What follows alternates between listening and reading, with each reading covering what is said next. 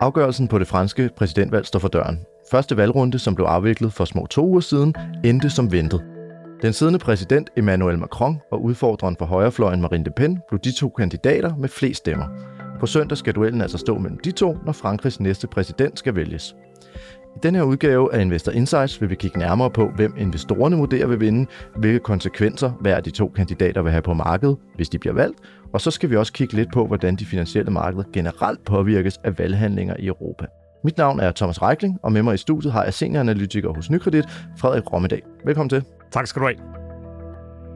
Lad os bare springe direkte ud i det mest spændende spørgsmål, Frederik. Hvem forventer jer finansielle analytikere vil vinde på søndag?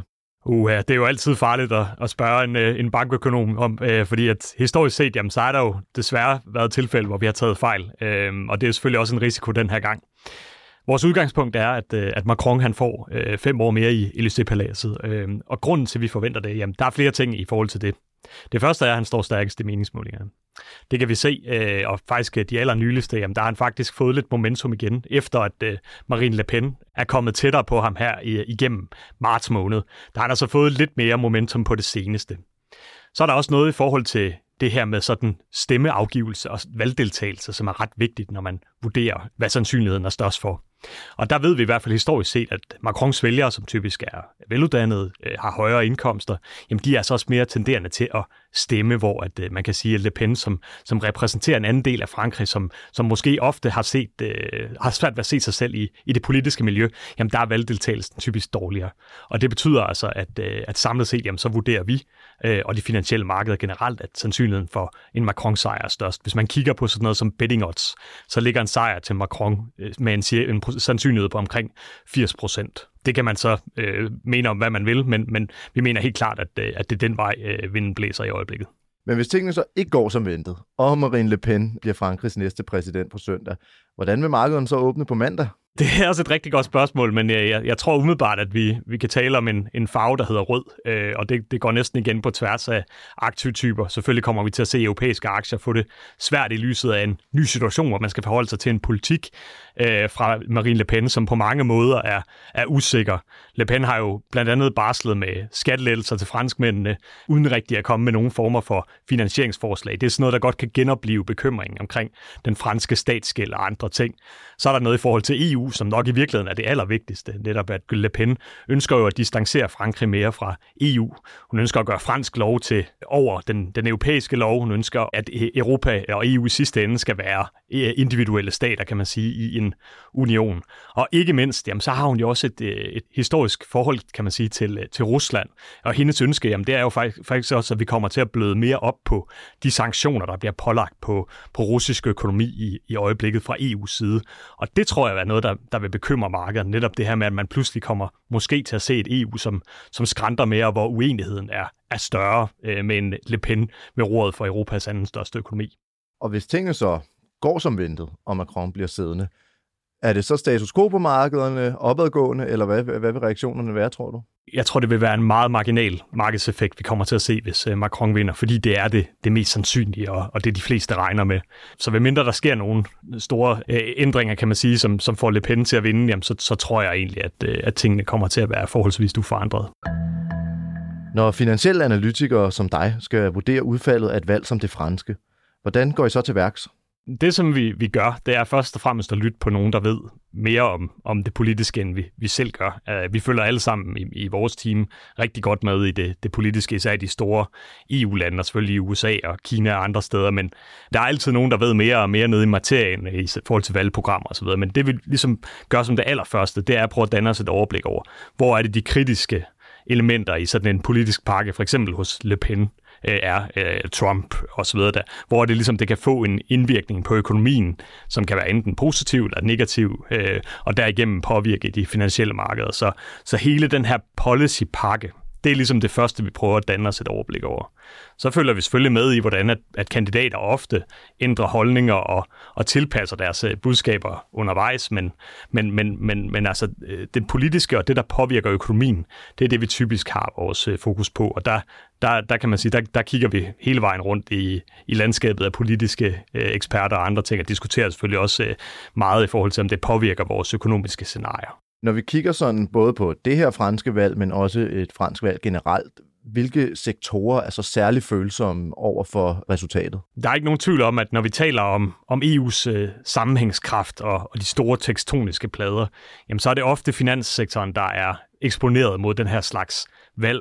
Det er dels fordi, der er noget i forhold til øh, investorinteressen for øh, sådan noget som statsobligationer, som, som for eksempel bankerne ofte ligger med. Det er typisk noget, der bliver handlet ned i situationer, hvor der er større usikkerhed om økonomien.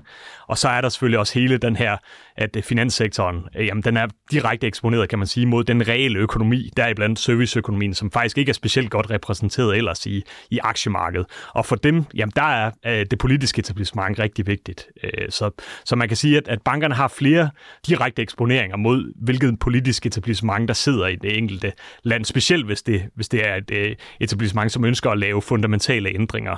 Og derfor så, så, så virker finanssektoren til at være noget af det mest eksponerede i en situation, hvor vi for eksempel får en, en, øh, en Le Pen-sejr på søndag. Hvis vi sådan kigger generelt på valg i de her store europæiske lande, hvor meget påvirker det så egentlig markederne? Der er ikke nogen tvivl om, at hvis man kigger historisk på det, ja bare de sidste fem år, så har vi haft flere eksempler på det. Vi havde i 17 med det seneste franske præsidentvalg, hvor vi faktisk op til, til selve valget, og, og hvor, Macron, øh, hvor Le Pen faktisk også havde momentum i meningsmålingerne, der kunne vi se, at, at euroen øh, havde, det, havde det lidt sværere i, i perioder. Vi kunne se, at europæiske aktier havde det lidt sværere, fordi den her sandsynlighed for, at vi kunne, kunne ende med noget, som, som kunne være fundamentalt anderledes og svække EU, jamen den var blevet større. Vi så det også i Italien øh, ved det seneste parlamentsvalg, hvor, hvor vi altså havde nogle partier, som tidligere havde barslet om en, et, øh, et italiensk exit fra, fra euroen. Og det er klart, at sådan nogle ting, som virkelig kan sætte, øh, sætte nogle, nogle store rystelser igennem det finansielle system, hvis det skulle ende med at blive tilfældet, jamen bare den, den lille risiko, der er for det, det er altså noget, der, der, der påvirker øh, finansmarkederne, øh, hvis, hvis investorerne ellers mener, at det er realistisk. Og det gjorde man altså dengang. Den her gang er situationen nok lidt anderledes, specielt også fordi, at vi har en Le Pen, som, som har en anden kasket på den her gang. Sidste gang talte hun jo om et, et Frexit, altså et fransk exit fra, fra EU. Hun talte meget skeptisk omkring euroen. Det er ikke helt det samme. Det er ikke helt den samme Le Pen, vi har den her gang. Hun er blevet mere blød i det, kan man sige. Måske også, fordi hun har, hun har haft en højrefløjskandidat øh, ved siden af sig, der hedder Semur, som var endnu mere ekstrem end hende. Så hun er faktisk blevet lidt mere poleret. Men det skal man nok ikke helt lade sig narre af, fordi hendes underliggende agenda, det er altså at distancere øh, Frankrig fra EU, og det ved investorerne godt. Så risikoen for en negativ indvirkning på for eksempel aktiemarkederne, hvis Le Pen skulle gå hen og vinde, jamen den er stadigvæk til stede, helt klart. Du nævner det jo lidt selv med Marine Le Pens tilgang til EU, fordi det lader til, øh, når jeg kigger på det, at det ofte er øh, EU-kritiske kandidater, som markedet frygter. Hvordan kan det være? Der er ikke nogen tvivl om, at for de fleste europæiske lande, jamen der er EU og konstellationen, EU's indre marked og, og sammenhængskraften væsentlig faktor for økonomien, for det finansielle system. Øh, og der er ikke nogen tvivl om, at når der kommer kandidater, som ønsker sig noget andet, ønsker sig mere nationalisering, ønsker sig øh, at distancere sig mere fra det, det øvrige EU, jamen så er der altså en større, kan man sige, bekymring i det finansielle system end ellers. Altså hvis man nu for eksempel sammenligner med et, et land som Danmark, hvor vi har øh, partier, som, som grundlæggende, kan man sige, er enige om, at, at det er en, øh, en, øh, en, hvad kan man sige, en, en fordel at samhandle med EU. Det er en fordel ikke at, at distancere sig for meget fra resten af Europa.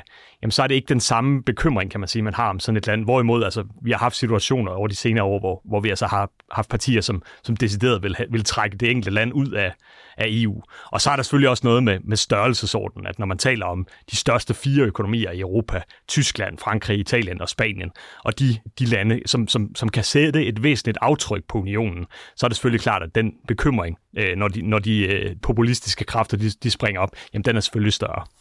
Så vi ser ikke, at øh, mindre lande som vores eget øh, på den måde påvirker markederne, når vi har valghandlinger? Nej, altså der er ikke nogen tvivl om, at, øh, at, at øh, ja, nu har vi et, øh, et valg, der kommer snart om forbeholdet, forsvarsforbeholdet, og senere hen et, et dansk folketingsvalg. Og typisk altså, så har det ingen indvirkning på de finansielle markeder. Der, der skal vi kigge andre steder hen, og, og mere ustabile politiske konstellationer i min optik, for at, at finde noget, hvor det har et reelt markedsimpact. Hvis man som privatinvestor ser der nogle store valg undervejs, hvis vi tager det i en europæisk kontekst, hvad skal man være opmærksom på som investor? Det er altid utrolig svært, øh, fordi typisk bliver de her ting jo også priset ind i markederne i forvejen, så man kan sige, er der en stor sandsynlighed for et politisk eller markedsmæssigt skrækvalg, jamen så vil, så vil sandsynligheden for det sandsynligvis være afspejlet i markedskurserne op til, til valget. Så har vi sådan nogle situationer som Trump-valget for eksempel i, i 16, hvor det kom bag på de fleste, kan man sige. Han gik hen og vandt øh, over natten der. Og de der ting er meget, meget svære at gardere sig imod. Så vores bedste anbefaling til folk, kan man sige, det er vel ligesom at kigge på, jamen, ligger man for ensidigt øh, eksponeret mod nogle af de sektorer, for eksempel finans, som, som, som kan være eksponeret i sådan en situation, men som selvfølgelig også får en, et, et boost, hvis det ikke går øh, så slemt, som man, man frygter. Øh, så, så generelt balancering på tværs af sektorer og, og regioner, det er ligesom vores bedste bud i, i de her situationer, hvor, hvor der ligesom er sådan et binært udfaldsrum i forhold til politikken. Tror du, der er nogen risiko for, at når vi kigger på det franske valg på søndag, at vi ser en gentagelse af øh, Trumps valg i 2016, Brexit, altså det her med, at vi simpelthen bliver enormt overrasket over resultatet? Det kan der sagtens være. Som jeg øh, kom lidt ind på tidligere, så har tingene rykket sig ret markant i marts måned. Øh, og det har det, fordi at franskmændene i øjeblikket er ramt af et, et meget kraftigt energichok øh, især, men, men sådan set også bredere end det. Altså inflationen i Frankrig er høj. Franskmændenes købekraft er, er svækket. Lønvæksten er ikke specielt imponerende i Frankrig. Og det betyder, at der er rigtig mange franskmænd, som, som har fået sværere, kan man sige, ved at klare dagen og vejen. Og det er alt lige i øjeblikket, der stiger alt fra baguettes til, til energi. Så, så det rammer dem forholdsvis hårdt. Og der mener Le Pen jo, at hun har løsningen på, på den her situation. Øh, hun vil gerne sænke skatterne blandt andet. Hun vil gerne trække Frankrig mere i retning af øh, øget øh, atomkraft. Og hun vil gerne lempe sanktionerne mod Rusland, eller i hvert fald øh, sørge for, at der ikke kommer flere, for derigennem, kan man sige, at, at stabilisere noget af det pres, som, som konflikten med Rusland betyder for den almindelige franskmand i øjeblikket. Og det har så mobiliseret en del vælgere i øjeblikket, og faktisk øh, ganske overraskende, hvis man kigger på de vælgere, der stemte på den yderste venstrefløj i første runde, som ellers, kan man sige, hvis man så på det fra et dansk perspektiv, vil være længst væk fra, fra sådan en som Marine Le Pen, jamen så er faktisk en fjerdedel af, af dem, som stemte på den tidligere kommunist, øh, Mélenchon, eller i hvert fald sige, venstreorienteret socialist, jamen de har, har faktisk øh, tanker på at stemme på Le Pen i anden runde, hvilket kan virke ret absurd, hvis man tænker på, at det vil svare til, at enhedslistens vælgere begyndte at stemme på ja, nye borgerlige øh, i, i Danmark. Altså det vil være ret svært at forestille sig, hvordan at, at de to konstellationer kunne hænge sammen. Men, men i Frankrig, fordi man har det her købekraftsproblem, og fordi Le Pen mener, at hun har en løsning til det, jamen så kan det faktisk lade sig gøre. Og det er noget af det, der kan overraske her på søndag.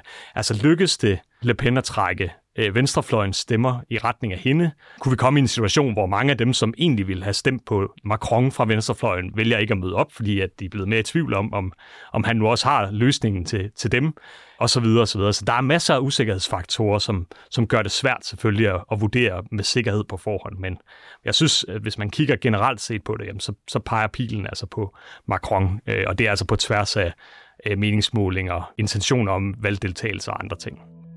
Sådan lød det fra Frederik Rommedal, senioranalytiker i Nykredit. Tak fordi du kom. Selv tak. Det her var Investor Insights fra Nykredit. Du kan finde os på nykredit.dk, Spotify, Apple Podcast og SoundCloud. Tak fordi du lyttede med.